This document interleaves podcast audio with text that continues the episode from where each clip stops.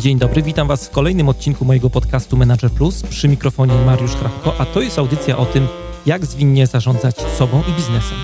Jeżeli chcecie, żeby coś zmieniło się w Waszym życiu i czujecie potrzebę ciągłego szlifowania swoich umiejętności, zapraszam do słuchania moich audycji. Dzień dobry, witam Was w kolejnym odcinku, już trzecim naszego mini cyklu edukacyjnego pod tytułem Jak budować efektywne zespoły. I dla wszystkich e, osób, które są tutaj po raz pierwszy, e, to przypominam, że nasz cykl składa się z pięciu odcinków. Każdy z nich poświęcony jest eliminowaniu jednej konkretnej dysfunkcji pracy zespołowej, e, która pomoże nam usprawnić codzienną pracę w Waszych zespołach i dzięki temu zwiększyć ich efektywność. Linki do dwóch pierwszych odcinków znajdziecie w materiałach pod dzisiejszym wpisem na stronie mariuszchrapko.com, a cykl w całości oparty jest na modelu Patryka Lencioniego, modelu, który osobiście bardzo lubię, jestem jego wielkim fanem e, i stosuję w mojej codziennej pracy z zespołami i liderami w organizacjach. W przygotowaniu tego kursu bardzo mocno pomagały mi Ola i Ania, które serdecznie pozdrawiam, z teamhackerki.pl, z którymi na co dzień pracuję przy projektach zwinnych transformacji. Dziewczyny zajmują się team coachingiem, wspierają proces budowania i rozwoju zwinnych zespołów i w tej pracy wykorzystujemy bardzo mocno właśnie model e, Patryka Lencioniego w połączeniu oczywiście z narzędziami coachingowymi. Na początek dodam jeszcze jedną rzecz, że ten cykl nie jest dedykowany tylko i wyłącznie dla zespołów e, agile'owych. Wiedza, którą tutaj usłyszycie, jest bardzo uniwersalna, no i na pewno przyda się Wam w każdym zespole projektowym, bez względu na to, czy ten zespół używa metod zwinnych w swojej codziennej pracy, czy nie.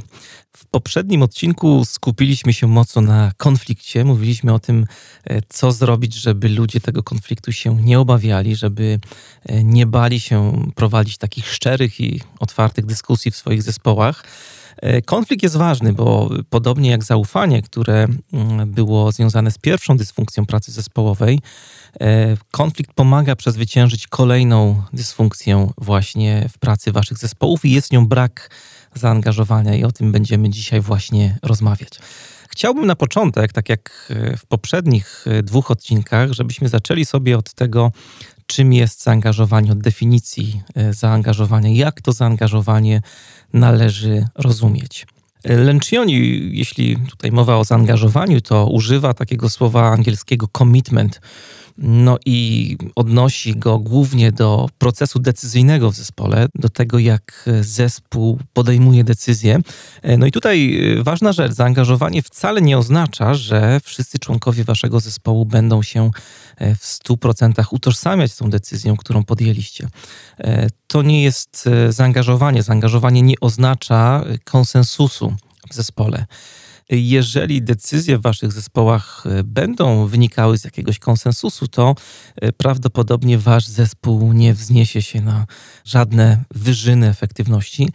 E, jeżeli właśnie przy każdej waszej decyzji, tak z uporem maniaka, będziecie dążyć do tego, żeby ten konsensus był, to rezultaty będą raczej słabe. Prawdziwe zaangażowanie jest, tak jak powiedziałem, przeciwieństwem konsensusu. E, zaangażowanie oznacza, i tutaj sięgniemy sobie do książki Lencioniego, e, pozwolę sobie na krótki cytat. Zaangażowanie oznacza, że grupa inteligentnych, zmotywowanych ludzi podejmuje decyzję, z którą poszczególni członkowie w naturalny sposób mogą się nie zgadzać. W naturalny sposób mogą się nie zgadzać. E, zauważcie, że budowanie tak rozumianego zaangażowania w zespole zależy bardzo mocno od dwóch poprzednich elementów, o których sobie już rozmawialiśmy, mianowicie od tego, żeby zespół był otwarty, żebyście zbudowali takie środowisko otwartej pracy, e, dyskusji, rozmów w tym zespole. No i drugi element to otworzenie się na konstruktywny konflikt. Pamiętacie, że w poprzednim odcinku wyobrażaliśmy sobie taką oś. Po jednej stronie było e, miejsce, gdzie konfliktu w ogóle nie ma, jest taka pozorna zgoda, a po drugiej stronie mieliśmy konflikt destruktywny. W połowie gdzieś jest ten e, taki konflikt, który jest dobry, konstruktywny właśnie dla zespołu. E, te dwa elementy są bardzo ważne, bo tylko wtedy możemy tak naprawdę szczerze i otwarcie się komunikować, tylko wtedy jest szansa, że opinie czy jakieś argumenty poszczególnych osób w zespole zostaną wysłuchane. Dlatego y, budowanie zaangażowania w zespole wymaga bardzo konkretnego podłoża, bardzo konkretnego klimatu. E, chodzi po prostu o to, żeby każda osoba miała komfort przedstawiania swoich pomysłów, mówienia o swoich punktach widzenia, o swoich opiniach, wyrażania tych opinii, żeby właśnie w sytuacji, kiedy musicie podjąć jakąś wspólną decyzję, to każdy mógł się swobodnie na jej temat e, wypowiedzieć. Wtedy rodzi się właśnie zaangażowanie zespołu i nawet jeżeli ta wspólnie podjęta decyzja jest e, sprzeczna e, z moim punktem widzenia, z moimi przekonaniami, to ja się z nią utożsamiam, bo to jest decyzja zespołu, którego ja jestem pełnowartościową częścią. I to jest absolutnie niesamowita rzecz ludzie wychodzą ze spotkania z poczuciem zaangażowania w decyzje, które zostały podjęte, mimo że sami pewnie by takich decyzji nie podjęli. Y, dlaczego tak się dzieje? Bo e, jesteśmy osobami e, racjonalnymi. Ludziom nie zależy, żeby za wszelką cenę przeforsować ich pomysł, żeby e, ten ich pomysł, ta ich sugestia, rada, rekomendacja zwyciężyły. Mm, nawet jeżeli tak jest, to takie przypadki należą do rzadkości mm, bo ludziom zależy przede wszystkim właśnie na tym, żeby zostali wysłuchani, żeby zostali wysłuchani przez zespół, którego są częścią. E, żeby ten zespół poznał ich e, punkt widzenia, poznał ich pomysł na rozwiązanie, poznał ich e, sugestię. To w zupełności wystarczy. To wystarczy, żeby zgodzili się z podjętą decyzją w ich zespole. Natomiast oprócz możliwości podzielenia się swoją opinią z innymi członkami zespołu, drugą taką rzeczą, na którą chciałbym Wam mocno zwrócić uwagę przy budowaniu zaangażowania zespołu właśnie w procesie decyzyjnym, tą rzeczą jest uzasadnianie decyzji. Chodzi o to, żeby każda decyzja była dobrze w zespole wyjaśniona, żeby e, no nie było takich sytuacji, gdzie są jakieś niedomówienia, że są dwuznaczności, żeby zespół e, dokładnie wiedział, co za daną decyzją się kryje, dlaczego akurat taka decyzja została w zespole czy w ich firmie, organizacji właśnie podjęta. A propos tematu uzasadniania, pytania dlaczego podjęliśmy taką, a nie inną decyzję, to jako uzupełnienie, tak na marginesie mm, tego odcinka, chciałbym Wam e, polecić, zaproponować dwie rzeczy. Pierwsza z nich to książka e, Simona Syneka Zaczynaj od dlaczego. E, a druga to moja rozmowa z Igorem Mrozem, za którym stoi marka Zero Bullshit Management. To jest odcinek 91, co gryzie współczesnych PMów. Bardzo Wam polecam tę rozmowę. Rozmawiamy tam innymi o decyzjach podejmowanych przez liderów, kierowników projektów, no i o tym, jak ważne jest stawianie sobie pytania, dlaczego w całym tym procesie e, decyzyjnym. Bardzo Wam polecam, jeżeli chcecie trochę się poinspirować i dodatkowo e, dokształcić. No a teraz już wracamy szybko na naszą ścieżkę. Wyjaśnianie decyzji, od tego zaczęliśmy.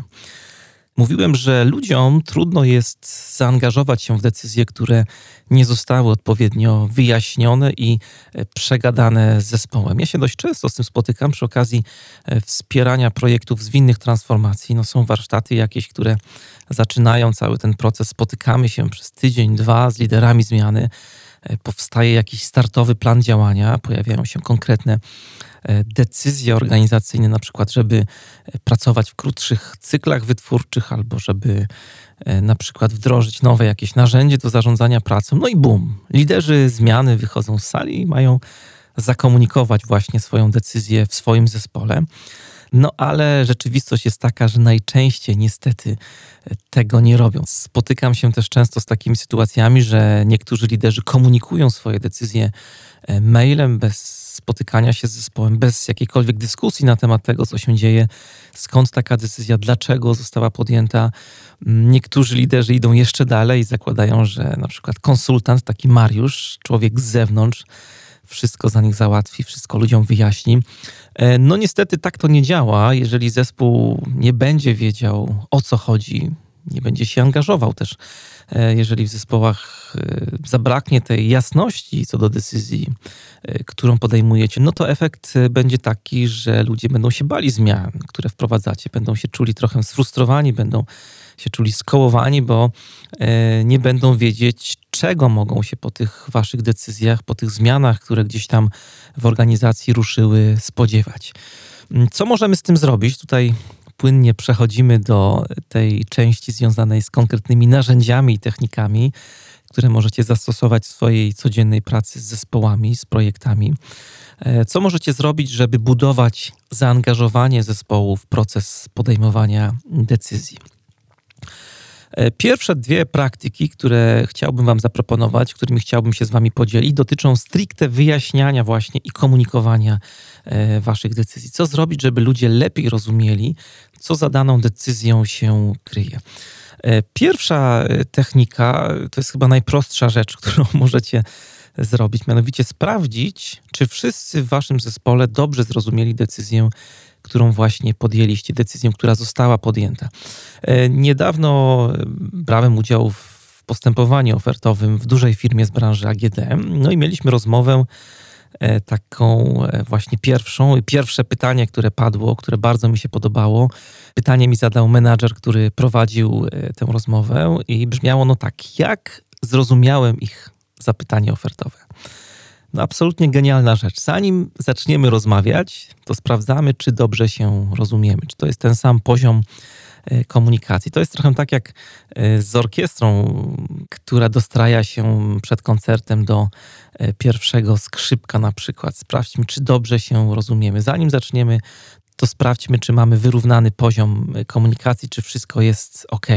Ja tak zawsze robię, jak y, zaczynamy nagrywanie w podcaście różnego rodzaju wywiadów, to sprawdzam najpierw, czy jest odpowiedni poziom głośności, czy wszyscy się y, słyszą po jednej i po drugiej stronie, czy wszystko jest jasne, zanim zacznę zadawać pytanie i męczyć gościa. I bardzo tutaj podobną technikę właśnie możecie zastosować w przypadku procesów decyzyjnych w waszych firmach, waszych zespołach.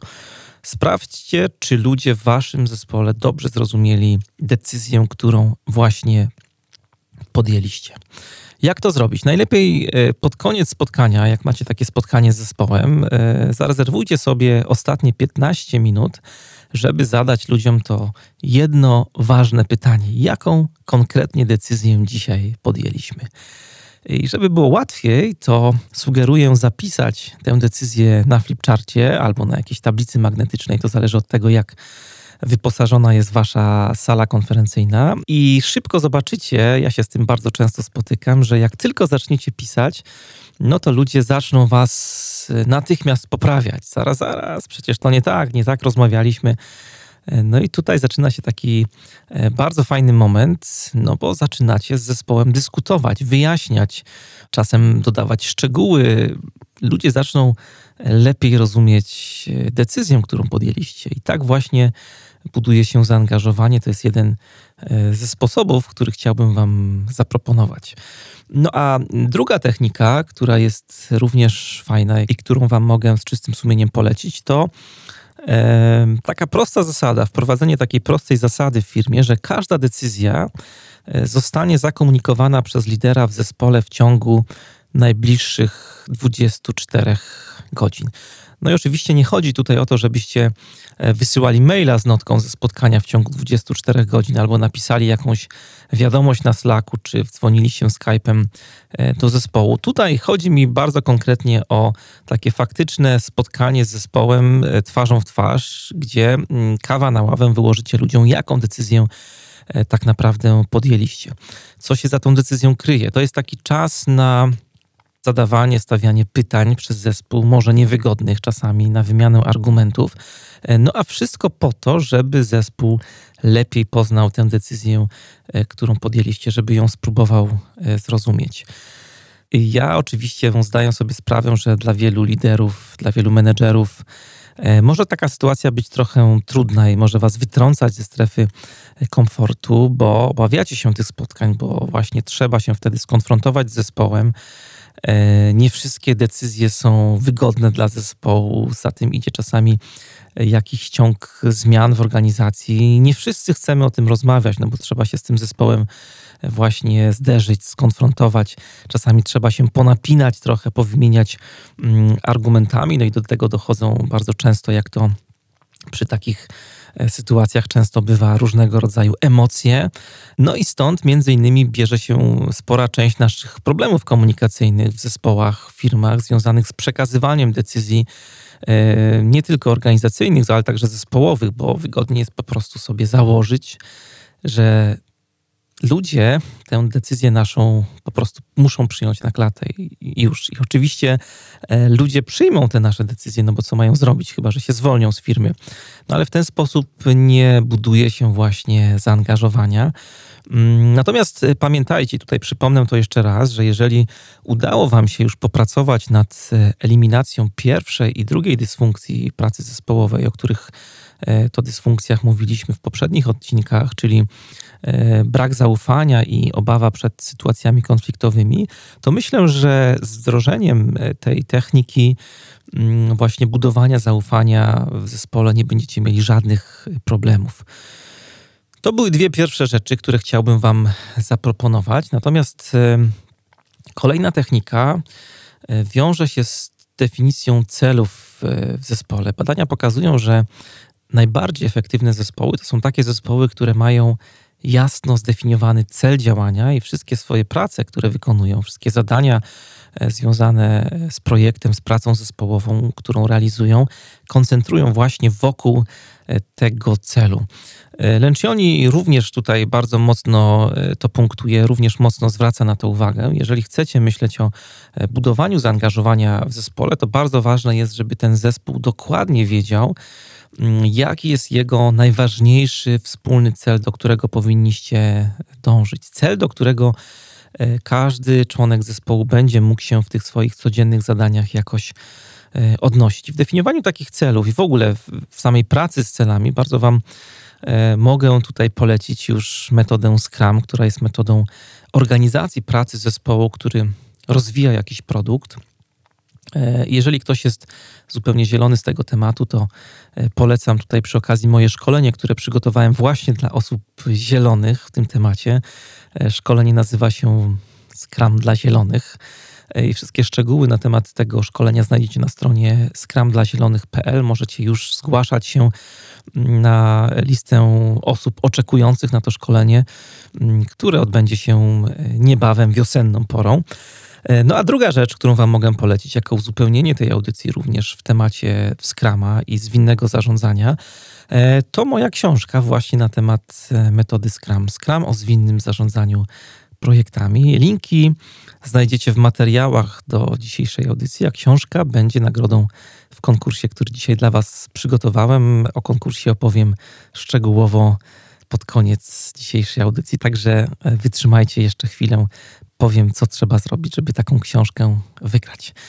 E, wracając do naszych celów i Scrama. W Scramie mm, mówiłem, że jest to metoda, która bardzo fajnie wspiera właśnie pracę zespołu wokół e, konkretnego celu. To te cele są definiowane na dwóch poziomach. Z jednej strony mamy cele zadaniowe i są też cele wynikowe, końcowe. To jest trochę tak jak w psychologii sportu. Mamy cel taki związany z wynikiem, cel wynikowy to jest cel ostateczny zespołu, cel, który e, wiąże się na przykład z realizacją jakiegoś konkretnego punktu milowego w projekcie, albo nawet e, całego projektu. Projekt też może być takim celem wynikowym dla Was.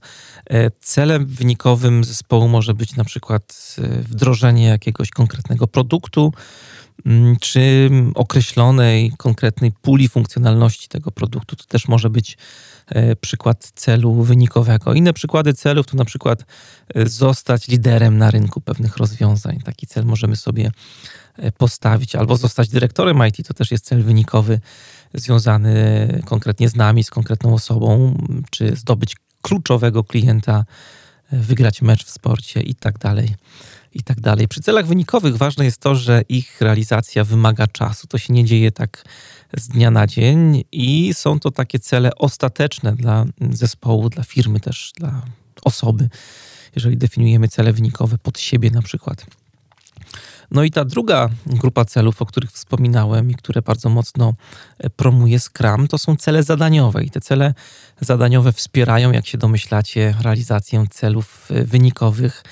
E, wspierają i są związane z realizacją określonych czynności, już konkretnie zadań, ale mamy tutaj gdzieś w tyle głowy perspektywę krótkoterminową. To są cele, na które my jako zespół mamy bardzo duży, konkretny wpływ i mamy też, co ważne, określone środki, żeby mierzyć postęp realizacji takiego celu. E, w Scrumie to jest e, realizacja celu konkretnego sprintu. Tam praca jest dzielona na takie krótkie e, odcinki, interwały czasowe. Te odcinki nazywamy sprintami. One trwają tak od dwóch do czterech tygodni. No i przykładem takiego celu zadaniowego w sprincie może być na przykład wdrożenie modułu raportowania. Na przykład umawiamy się, że do końca sprintu, do końca czterech tygodni E, po tych czterech tygodniach chcemy mieć wdrożony moduł raportowania w naszym e, programie, aplikacji, systemie, albo zaimplementowanie poprawek dotyczących bezpieczeństwa naszej aplikacji. To też jest przykład takiego celu związanego z konkretnym sprintem. Inne przykłady celów zadaniowych, e, już niezwiązanych, przynajmniej niekoniecznie związanych ze Scrumem, to na przykład w tym miesiącu sprzedamy 100 książek albo do końca maja przebiegnę 1 km w 4 minuty i 10 sekund. To są przykłady takich celów zadaniowych, właśnie krótkoterminowych. No i sam Scrum, w którym jest e, sporo analogii, jak już słyszycie, do sportu, to bardzo dużą wagę przykłada właśnie do celów zadaniowych, bo są to cele, które z punktu widzenia pracy zespołu są dużo korzystniejsze. Bardzo fajnie pisze o tym Paweł Habrat w książce Pod presją, w książce, którą napisał wspólnie z Jerzym Dudkiem, naszym e, flagowym bramkarzem. E, cele zadaniowe to pewnego rodzaju takie instrukcje, które właśnie mówią nam, co należy wykonać, żeby e, osiągnąć konkretny wynik. Dzięki właśnie takiemu skoncentrowaniu się na zadaniach, zawodnik skupia się na tym, co ważne z punktu widzenia wyniku. No i w Scrum jest bardzo podobnie. E, cele sprintu zespołu przybliżają nas do realizacji zamierzonego wyniku, którym są na przykład cele biznesowe, cele wynikowe właśnie e, firmy, e, klienta. W sporcie praktyka pokazuje, że dobrze sprecyzowane cele zadaniowe bardzo mocno wzmacniają mm, pewność siebie zawodnika, obniżają lęk podczas startu, no i minimalizują stres, który pojawia się w takich właśnie warunkach presji. To wszystko przekłada się na zespół, no i koniec końców na jego zaangażowania. Więc róbcie wszystko, żeby wasz zespół miał jasno zdefiniowany cel i wiedział, czego się od niego oczekuje. To jest e, niby proste, ale nieoczywiste dla wielu liderów i dla wielu zespołów, e, którzy z tymi liderami pracują. To było trzecie narzędzie i mm, ostatnie narzędzie, któremu się mm, chciałbym przez chwilę przyjrzeć i bardzo chciałbym go Wam polecić, to jest metoda Walta Disneya. To jest technika, e, moim zdaniem, wszystkich technik. Osobiście bardzo ją e, lubię, bo przynosi naprawdę fajne, szybkie, e, takie spektakularne efekty w pracy zespołowej. No a polega ta metoda na włączeniu zespołu w proces podejmowania decyzji, co właśnie niesamowicie wpływa na budowanie jego zaangażowania. I to jest podstawowe założenie tej metody dajmy zespołowi szansę, żeby to zespół sam wypracował rozwiązanie. Dajmy mu trochę swobody, dajmy mu trochę autonomii.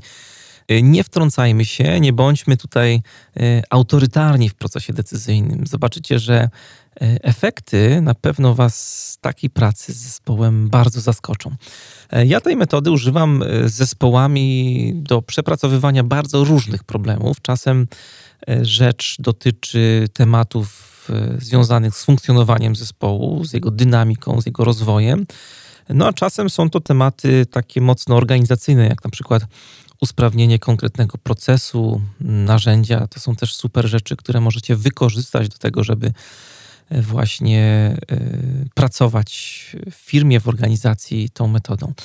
Na czym polega metoda Walta Disneya? No, jak e, słyszycie, sama nazwa już trochę sugeruje, że jest to metoda, która ma związek e, z legendarnym panem Waltem Disneyem. Disney, nie powiem tutaj nic odkrywczego, to jest postać kultowa wręcz. Otrzymał łącznie 26 Oscarów i 46 nominacji. Między innymi były to nagrody za stworzenie postaci myszki Miki, którą wiele osób uwielbia. Rok to był 31. E, no i produkcja Królewny Śnieżki i Siedmiu Krasnoludków w roku 37. E, I ten film, pierwszy pełnometrażowy, kolorowy, udźwiękowiony film, to była w tamtych czasach prawdziwa rewolucja w ówczesnej kinematografii. No ale musicie wiedzieć, że na początku Disneyowi wcale nie było tak łatwo, bo nikt nie chciał wyłożyć konkretnej kasy, gotówki na te jego zwariowane pomysły. Banki no, nie bardzo chciały wspierać e, te jego szaleństwa. Jak się wtedy wydawało, e, pomysły zupełnie to były absurdalne dla wielu osób. E, no i wtedy panowało takie ogólne przekonanie, że pełnometrażowy film rysunkowy po prostu nie przyciągnie widzów do kina i bilety się nie sprzedadzą. No i właśnie to były początki, to był moment, kiedy narodziła się metoda Walta Disneya. Disney ze swoim bratem Royem i księgowym e, używali tej metody do tego, mm, żeby lepiej przygotowywać się do rozmów z bankami. Wtedy oczywiście ta metoda nie nazywała się metodą Walta Disneya. Nazwa urodziła się dużo później, ale sam koncept, sama mechanika działania była taka sama. Co oni robili? Mianowicie, żeby znaleźć e, jak najlepsze argumenty do tych rozmów z bankami, to e, wykorzystywali tę technikę, żeby się do tych rozmów z bankami przygotowywać, bo od tego zależała realizacja mm, tego zwariowanego pomysłu, jego wizji Disneya, jego marzeń. No i w końcu e, się udało. Disney zyskał ogromne dofinansowanie, prawie półtora miliona dolarów, co na tamte czasy było jakąś zupełnie kosmiczną sumą. E, i w efekcie powstał film, który był bardzo dużym sukcesem kasowym. No to tyle e, wprowadzenia w metodę, tyle pokazywania kontekstu. Teraz Wam powiem, na czym konkretnie ta metoda polega. Zanim zaczniecie stosować metodę Walta Disneya, to najpierw musicie sobie w zespole e, bardzo jasno określić temat lub cel, który chcecie realizować w trakcie takiej jednej sesji. Ja się tutaj y, oczywiście mocno skupiam na zespole, bo taki jest temat tego naszego cyklu, ale metoda Walta Disneya jest też taką metodą, którą spokojnie możecie e, stosować indywidualnie, jak chcecie popracować nad rozwiązywaniem jakichś problemów czy wyzwań związanych z waszym e, osobistym życiem i mm, rozwojem. E, jeśli chodzi o definicję tego celu, to ten cel najlepiej jest sobie sformułować w formie pytania, na przykład jak przekonać sponsorów do naszego produktu? To może być jeden z takich celów, które możemy sobie zdefiniować. Albo e, jak myślimy na przykład już tak e, o zespole agile'owym, co zrobić, żeby product owner był bardziej zaangażowany w naszą pracę, e, w pracę zespołu, albo jak zwiększyć samoorganizację w naszym zespole, jeżeli to jest jakimś dużym wyzwaniem dla pracy mm, waszego zespołu na przykład. W przypadku pracy nad finansowaniem Królewny Śnieżki i Siedmiu Krasnoludków, jak podają różnego rodzaju biografie, e, Disney e, sobie definiował następujące pytania, następujące cele dla takich sesji. Na przykład, w jaki sposób zdobyć pieniądze na produkcję filmu, e, w którego powodzenie wierzą tylko ja sam i część mojego zespołu, albo jak przekonać sponsorów do tej inwestycji, jak przekonać banki do tej inwestycji, w jaki sposób możemy bardziej uatrakcyjnić nasz film, E, albo co świadczy o tym, czy są jakieś dowody, że ten sukces w ogóle jest możliwy, no bo nikt nie wierzy przecież w te nasze zwariowane pomysły. Czy jest jakiś dowód, dowody, które faktycznie pokażą, że te nasze zwariowane pomysły są możliwe do zrealizowania. E, to wszystko, to co Wam podałem, to są przykłady pytań, takich celów, które właśnie definiujemy na początku sesji takiej disneyowskiej. E, no i tutaj od razu uczulam Was, żeby te cele nie były zbyt ambitne, bo taka jedna sesja standardowo trwa około 2-3 godzin. Oczywiście, jeżeli macie e, na tyle czasu, to możecie sobie tą sesję na przykład zaplanować na cały dzień. Ja zwykle z zespołami tak poświęcam do 3 godzin na takie sesje disneyowskie. No i co rozumiem przez ten ambitny cel? Ja kiedyś, jak zaczynałem pracować e, tą metodą, to z zespołem popełniłem taki E, jeden z typowych błędów, które można popełnić, mianowicie wymyśliliśmy sobie, że w trakcie takiej jednej sesji przepracujemy temat, jak wdrożyć program zwinnej transformacji e, w firmie, w której pracował ten zespół. No, firma liczyła około 300 osób no i się totalnie zakopaliśmy, zabrakło nam czasu, żeby wszystko sensownie przepracować. Oczywiście ludzie poznali metodę, ale mm, no na koniec czuliśmy, że nie było efektu, nie wypracowaliśmy sobie e, rozwiązania, które było dla nas bardzo ważne. No i w takich sytuacjach, jeżeli macie do czynienia z takim grubym tematem, no to po prostu najlepiej jest sobie go rozłożyć na części i popracować nad e, właśnie wypracowaniem jakiegoś całego rozwiązania przez kilka kolejnych sesji. To oczywiście wymaga trochę więcej czasu, no ale jak macie taki gruby temat, jak na przykład transformacja waszej organizacji, to dlaczego nie? Dlaczego by tego nie rozbić na takie małe klocki? Bo słonia nie jesteśmy w stanie zjeść naraz. E, kolejną rzeczą, którą e, dobrze jest przed startem zrobić, to e, wybierzcie sobie skrybę i facylitatora takiego spotkania. Skryba, jak sama nazwa wskazuje, to jest ktoś, kto będzie robić notatki w trakcie całej sesji. Tutaj wystarczy jakiś taki najlepiej mm, flipchart na kółkach albo rozwieszenie kartek w różnych e, częściach e, pomieszczenia, gdzie będzie można zapisywać to, co będziecie wypracowywać w trakcie tej sesji. Skryba robi notatki, no a facylitator zarządza całym procesem grupowym, dba o jego prawidłowy przebieg. Tym facylitatorem może być oczywiście ktoś z zewnątrz, możecie poprosić kogoś z zewnątrz jakiegoś takiego E, że tak powiem, zawodowego facylitatora, który się zajmuje profesjonalnie facylitacją, albo może to być ktoś z innego zespołu, albo możecie sobie wybrać też i poprosić o to e, Scrum Mastera, jeżeli pracujecie na przykład w Scrumie. Opcji jest tutaj bardzo dużo. E, no dobrze, mamy temat, jest skryba, jest facylitator, no to teraz czas na pracę wreszcie. Metoda Walta Disneya używa tak zwanych kotwic przestrzennych, czyli nad wybranym tematem e, pracujemy jakby w trzech takich różnych pokojach. Każdy z tych pokoi zawiera trochę inną perspektywę. E, te pokoje wcale nie muszą być e, różnymi pokojami w firmie. Mm, doskonale ja sobie zdaję sprawę z tego, że dla wielu z Was no, to na pewno będzie kłopot, żeby zorganizować trzy różne pomieszczenia, zarezerwować trzy różne sale konferencyjne i między tymi salami się przemieszczać. Dlatego ja bardzo często do przeprowadzenia takiej sesji wykorzystuję jedną dużą salę konferencyjną, w której za pomocą kartek a4 z nazwami pokojów e, aranżuję odpowiednio sobie przestrzeń, czyli tworzymy takie trzy wirtualne pokoje w jednym pokoju. Oczywiście to rozwiązanie się sprawdza, jeżeli e, pracujecie z jednym zespołem przy większej liczbie osób, e, jest już trochę trudniej.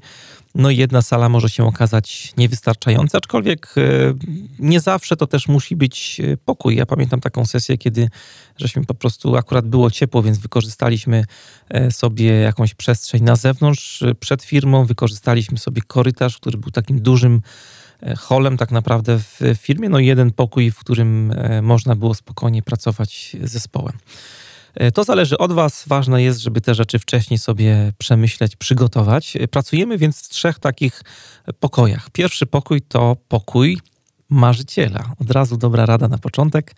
Przy wchodzeniu do konkretnego pokoju dobrze jest też przyjąć określoną postawę ciała, żeby zaznaczyć w ten sposób po prostu zmianę perspektywy myślenia. I tak na przykład dobrze jest, jeżeli o marzeniach yy, mamy rozmawiać, to ja zwykle robię tak, że zespół dyskutuje sobie o tych marzeniach na stojąco, tak żeby yy, wasze twarze były na przykład zwrócone w stronę okna. Można sobie też do okna, do szyby przypiąć kartkę z flipa, kartkę z oznaczeniem pokoju, yy, gdzie będziecie też spisywać wasze marzenia. Yy, co robimy w pokoju marzyciela? No jak sama nazwa wskazuje, marzymy, bujamy sobie w obłokach. E, w pokoju marzyciela próbujecie zrobić taką wizualizację, taki stan idealny tego, jakby to mogło być, gdyby wasz cel udało się zrealizować. No jeżeli na przykład tym celem jest zwiększenie samoorganizacji waszego zespołu, no to wyobrażacie sobie, rozmawiacie, jakby to było, gdyby faktycznie wasz zespół e, sam organizował swoją pracę? Jakby to było, gdybyście mieli dużo autonomii, gdyby się wam e, nikt nie wtrącał do tego, co robicie? Jakby to było, gdybyście sami mogli decydować o zadaniach w sprincie, o tym, jak się zorganizujecie wokół tych zadań, jak się do nich przypiszecie, czy w ogóle się będziecie przypisywać, czy nie? Jakby to było, gdyby właśnie taka wizja, taki stan idealny się zrealizowała, zmaterializowała? A więc w tym pokoju marzymy, bujamy w obłokach. Jeżeli przebywacie w tym pokoju, to mm, bardzo ważne jest, żeby nie krytykować pomysłów innych osób z waszego zespołu. Muszę wam powiedzieć, że to będzie dla was na pewno e, najtrudniejsza rzecz. Unikanie krytyki e, to jest mega trudna sprawa. Jakoś tak mamy, że ten głos krytyka w naszej głowie włącza się natychmiast jak pojawi się jakikolwiek pomysł, jakakolwiek wizja, to od razu chcemy krytykować te cudze pomysły, no bo tak się nie da, u nas na pewno się to nie sprawdzi, nie mamy budżetu, żeby zrobić takie szkolenie i tak dalej. I tak dalej. Tutaj bardzo ważną rolę mają do odegrania właśnie facylitatorzy. Facylitator powinien tego bardzo pilnować. W pokoju marzeń nie krytykujemy. Na to przyjdzie jeszcze czas. E, w pokoju marzeń też nie oceniamy pomysłów innych osób, nie wartościujemy ich, nie osądzamy, ale coś, do czego będę Was bardzo zachęcał, to rozwijanie tych pomysłów, które się już pojawiły. Jak ktoś doklei jakiś pomysł, to na tym pomyśle możecie budować e, jakby swój pomysł, możecie dopowiadać, możecie go uzupełniać. To jest bardzo cenna rzecz w tym pokoju. E, no i też niech Was nie przeraża liczba zgłaszanych pomysłów. Powinno być ich tutaj jak najwięcej. To jest normalne. Nie ograniczajcie swojej wyobraźni. E, pomysły mogą być też totalnie abstrakcyjne. Chodzi o to, żebyście się nie bali po prostu przekraczać granic, żebyście mm, przestali myśleć tak sztampowo. Liczy się tutaj przede wszystkim w tym pokoju nietuzinkowość. Facilitator powinien zachęcać zespół do tego, żeby właśnie popuścił wodze fantazji, żeby zaczął bujać w obłokach tak na maksa, tak na całego. No i tutaj coś, co będę Wam e, podpowiadał i do czego zachęcam, to używanie pytań coachingowych. Co chcemy osiągnąć na przykład, o czym marzymy. Jeżeli zobaczycie, że zespół jakby stanął w miejscu, zblokował się, to te pytania coachingowe bardzo pomagają ruszyć e, dalej. Możecie tutaj zapytać, jakby to było, gdyby na przykład spełniło się nasze marzenie, jak byśmy się wtedy czuli, jakie mielibyśmy umiejętności, kompetencje, jakim zespołem byśmy się stali. To są pytania, które są bardzo fajnym katalizatorem do myślenia, do wymyślania e, tych takich niesztampowych pomysłów. E, no i to jest spokój marzyciela, pokój, w którym bujaliśmy w obłokach. Teraz przechodzimy do kolejnego. Kolejny pokój to już jest pokój realisty. No i jak się domyślacie, w tym pokoju osadzamy nasz projekt w jakichś takich realiach, określonym kontekście. E, I tutaj, podobnie jak poprzednio, dobrze jest e, przyjąć też odpowiednią postawę ciała. Na przykład ja robię tak z zespołami, że e, o ile przy marzeniach stoimy i patrzymy się gdzieś w kierunku szyby, to jeżeli rozmawiamy już o tych realnych tematach, o tym, co możemy realnie zrobić, to po prostu siadamy sobie wygodnie przy stole i rozmawiamy. E, w tym pokoju należy sobie odpowiedzieć na pytanie, jak to zrobimy, czego potrzebujemy, e, kto będzie zaangażowany w nasz projekt, oprócz oczywiście naszego zespołu, kto nam może pomóc, jakie będą koszty tego naszego projektu, ile czasu nam to zajmie, po czym poznamy też, że osiągnęliśmy nasz cel. E, pokój realisty to jest taki pokój, gdzie już nie bujamy w obłokach, ale to jest takie miejsce, gdzie no, przyszedł czas na taką zimną kalkulację. E, to jest miejsce na takie trzeźwe, realne spojrzenie zespołu na to, co chcemy zrobić, jak chcecie sobie poradzić e, z wyzwaniem. Budujecie po prostu realny, konkretny plan realizacji waszego celu, celu, który został postawiony gdzieś tam na początku.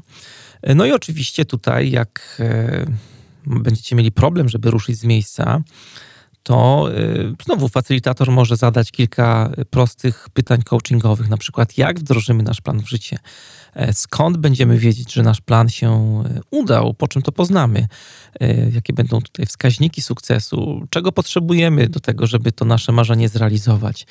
E, kto nam może w tym pomóc, e, co już mamy, to też jest bardzo ważne, co już jest, co zrobiliśmy, co wypracowaliśmy dotychczas, e, co musi się stać, żeby nasze marzenie mogło się zmaterializować. Co jeszcze? To pytanie, co jeszcze, tu się na chwilę zatrzymam, bo to jest w ogóle najlepsze, moim zdaniem, pytanie coachingowe świata. Koniecznie musicie wypróbować. Jeżeli pytacie zespół, czy coś jeszcze, to ludzie, zauważcie, automatycznie się zamykają. No w zasadzie to no to nic, no to już tutaj nic nie mamy do dodania. E, pytanie, czy coś jeszcze właśnie zamyka możliwości. E, możecie wykorzystać to pytanie przy różnych okazjach i zobaczycie, że jak pytacie, czy coś jeszcze, to ludzie automatycznie jakby e, zatrzaskują drzwi. No i zupełnie inaczej jest z pytaniem, co jeszcze? To pytanie bardzo otwiera, zakłada, że są inne rozwiązania i od razu pojawia się więcej takiej samoświadomości, więcej takich insightów, mówiąc brzydko, czyli wglądów. Jest to takie pytanie, które możecie wykorzystać, tak jak mówiłem, w zasadzie w każdej rozmowie i ono bardzo, bardzo otwiera. No dobrze, to tyle o pytaniach. Wchodzimy teraz do ostatniego już pokoju, pokoju, uwaga, uwaga, pokoju krytyka. No wreszcie, prawda? Krytykowanie to jest to, co tygryski przecież lubią najbardziej. To jest ten czas, to jest nasze DNA, kiedy możemy wreszcie zacząć otwarcie krytykować pomysły, które się e, pojawiły w pokoju krytyka, żeby znowu zmienić trochę perspektywę myślenia, żeby pokazać ludziom, że teraz krytykujemy, a nie e, myślimy o jakichś wizjach, nie bujamy w obłokach, nie budujemy planu realnego to dobrze jest też zmienić perspektywę. Ja ze zwykle z zespołami robię tak, że e, siadamy sobie na podłodze po turecku. Niektóre osoby na przykład też rozprostowywują e, nogi, nie się kładą. Tutaj to nie ma znaczenia. Chodzi o to, żeby właśnie z tego siedzenia e, zmienić perspektywę na mm, zupełnie inną. W pokoju krytyka e, możecie wreszcie wyrazić swoje obawy, wreszcie możecie podzielić się swoimi mm, wątpliwościami, zgłosić zastrzeżenia. E, to jest ten moment, kiedy możecie oceniać wasze pomysły, kiedy możecie zgłaszać uwagi, kiedy możecie mówić, co wam się w nich nie podoba. Mm, w tym miejscu odpowiadacie sobie na pytanie, co nam się nie uda, co może nas zaskoczyć, jakie pułapki na nas czekają, kto coś na tym naszym pomyśle straci. Bardzo ważna rzecz, kto poza waszym zespołem może coś na tym właśnie stracić, jeżeli osiągniecie wasz cel, kto będzie się temu pomysłowi sprzeciwiał. Mm, pokój krytyka to jest takie miejsce na najczarniejsze scenariusze, takie pesymistyczne wizje, naczepianie się. Tutaj, podobnie jak w poprzednich pokojach, możecie sobie trochę pomóc e, pytaniami coachingowymi. Facylitator może zapytać, czego brakuje w naszym planie co może pójść nie tak, co może się nie udać, czego nie wzięliście pod uwagę, e, kto lub co może Was zawieść w realizacji tego pomysłu, co lub kto może Wam przeszkodzić, e, jakie są słabe punkty tego Waszego planu, mm, na ile jest możliwe zrealizowanie planu w tym czasie, który sobie przyjęliście i przy założeniach, które sobie zdefiniowaliście, jakie są zagrożenia. Te wszystkie pytania e, uruchamiają Wasze myślenie, Wasze krytykanstwo właśnie w tym pokoju. E, pokój krytyka, ale w tym pokoju, czy na tym pokoju to ćwiczenie się nie kończy. Cały myk, cała sztuka polega na tym, żebyście przechodzili między pokojami. Tutaj nie ma żadnych określonych ram czasowych, które Wam powiedzą o tym, ile powinniście przebywać w określonym pokoju. Ja na początku pilnuję zawsze, żeby w każdym pokoju zespół spędzał mniej więcej gdzieś 15 minut. Później E, to już musicie obserwować. Jeżeli zobaczycie, że zespół na przykład bardzo intensywnie pracuje w pokoju realisty, to możecie sobie ten czas trochę e, wydłużyć, tak żeby nie przerywać tego takiego e, stanu flow, w który zespół wcześniej czy później wpada. No i jeśli chodzi o to przechodzenie między pokojami, to najczęściej ta wędrówka ludów odbywa się między dwoma pokojami, pokojem krytyka i realisty. Natomiast jest takie jedno E, magiczne połączenie między pokojami, którego za wszelką cenę powinniście jak ognia unikać. E, domyślacie się, o jakie połączenie chodzi? No oczywiście, no, nie powinniście przechodzić między pokojem marzyciela i pokojem krytyka, bo wtedy będziecie zabijać wasze piękne marzenia. Tego byśmy oczywiście nie chcieli. E, kiedy już zrobicie sobie kilka takich rundek, no i wyczerpiecie temat, to na koniec dobrze jest wejść sobie na taki metapoziom tak zwany i zrobić sobie takie krótkie podsumowanie tej sesji, czyli scalić to wszystko, co się Wam udało wypracować, wyciągnąć wnioski.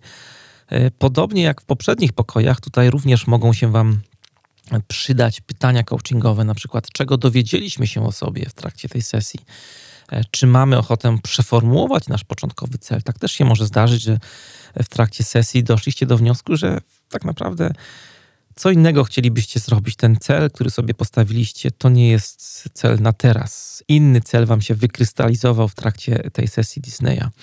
Albo czy nasz plan jest ekologiczny, czyli czy nie szkodzi nam albo innym osobom z naszego otoczenia. Bardzo lubię też pytanie e, o ekologię planu. Bardzo fajnie się sprawdza. Jeżeli jest plan ekologiczny, to e, jaki będzie nasz pierwszy krok?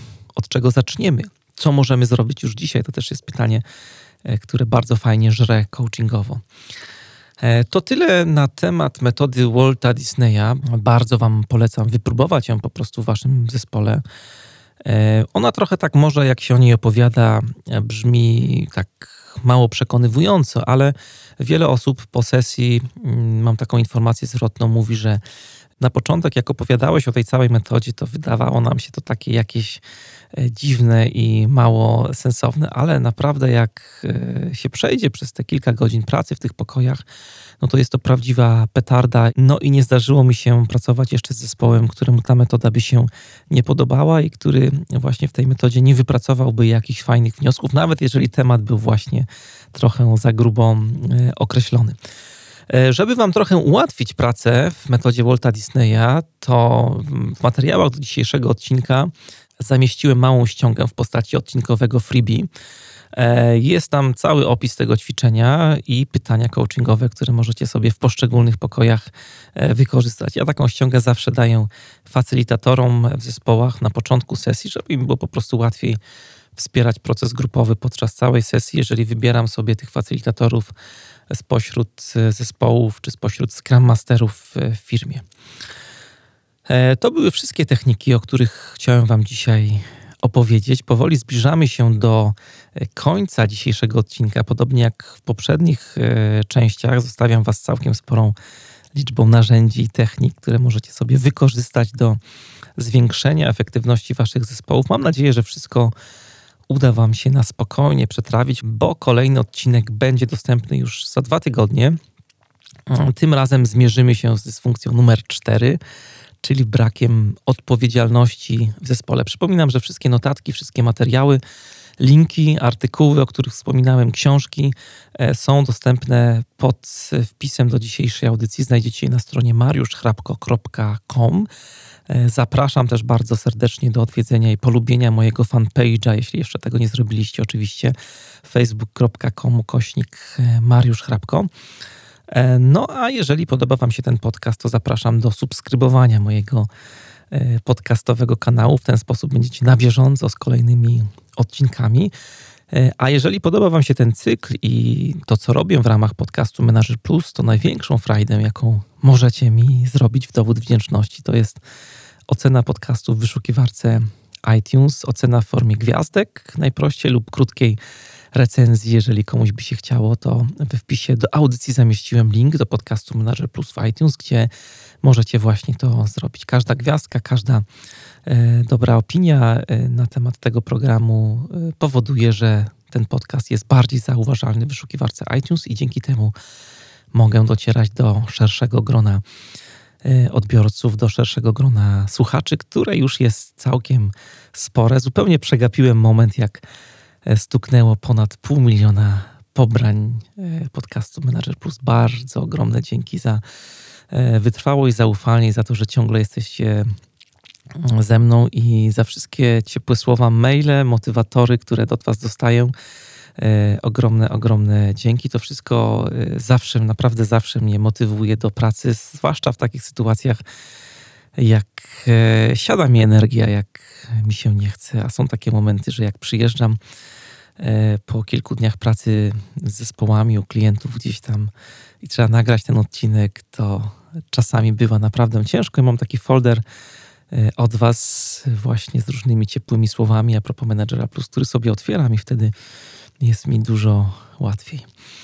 E, a jeżeli jesteście fanami dobrych dźwięków, to e, ostatnie ogłoszenie parafialne tutaj, może przedostatnie, bo jeszcze o jednej rzeczy miałem Wam powiedzieć, mm, związanej z konkursem, e, to zapraszam do mojego drugiego alternatywnego podcastu na Sofie, podcastu muzycznego, w którym nie opowiadam już żadnych mądrości związanych z zarządzaniem, z przywództwem, ale jest dużo dobrych kojących dźwięków. Zapraszam na sofę. No a e, już absolutnie ostatnia rzecz dzisiaj, konkurs, który Wam już wcześniej zapowiadałem. Dzisiaj po raz pierwszy chyba w historii podcastu Manager Plus do wygrania będzie książka prowadzącego tę audycję, książka pod tytułem Scrum o zwinnym zarządzaniu projektami. E, mam dla Was drugie rozszerzone wydanie tej książki, które zostało wydane przez wydawnictwo Helion. E, książka będzie rzecz jasna opatrzona stosownym autografem autora. No i co trzeba zrobić, żeby wygrać e, tę książkę? Wystarczy, że w komentarzach do dzisiejszego odcinka odpowiecie na bardzo proste pytanie, ale jakże ważne, związane z tym, o czym dzisiaj mówiliśmy.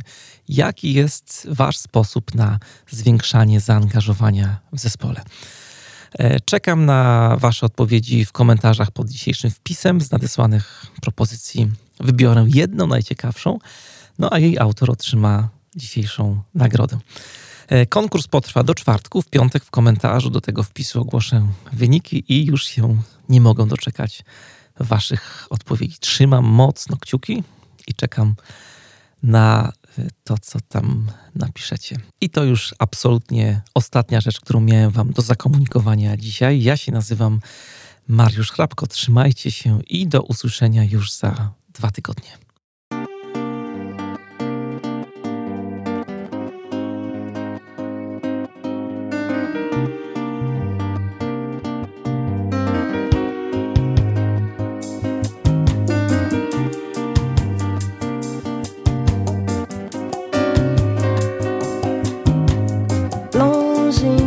Qualquer lugar. Tua presença em tudo está.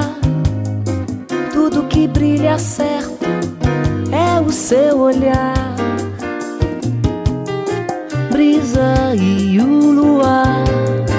Para o tempo a te imaginar.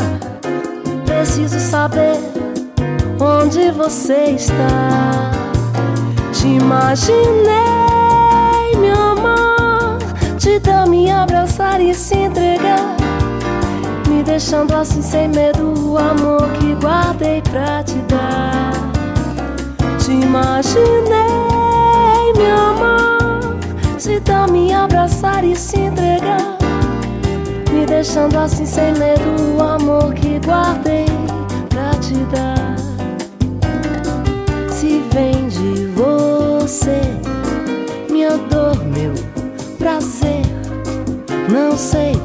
é dor maior, é te esquecer.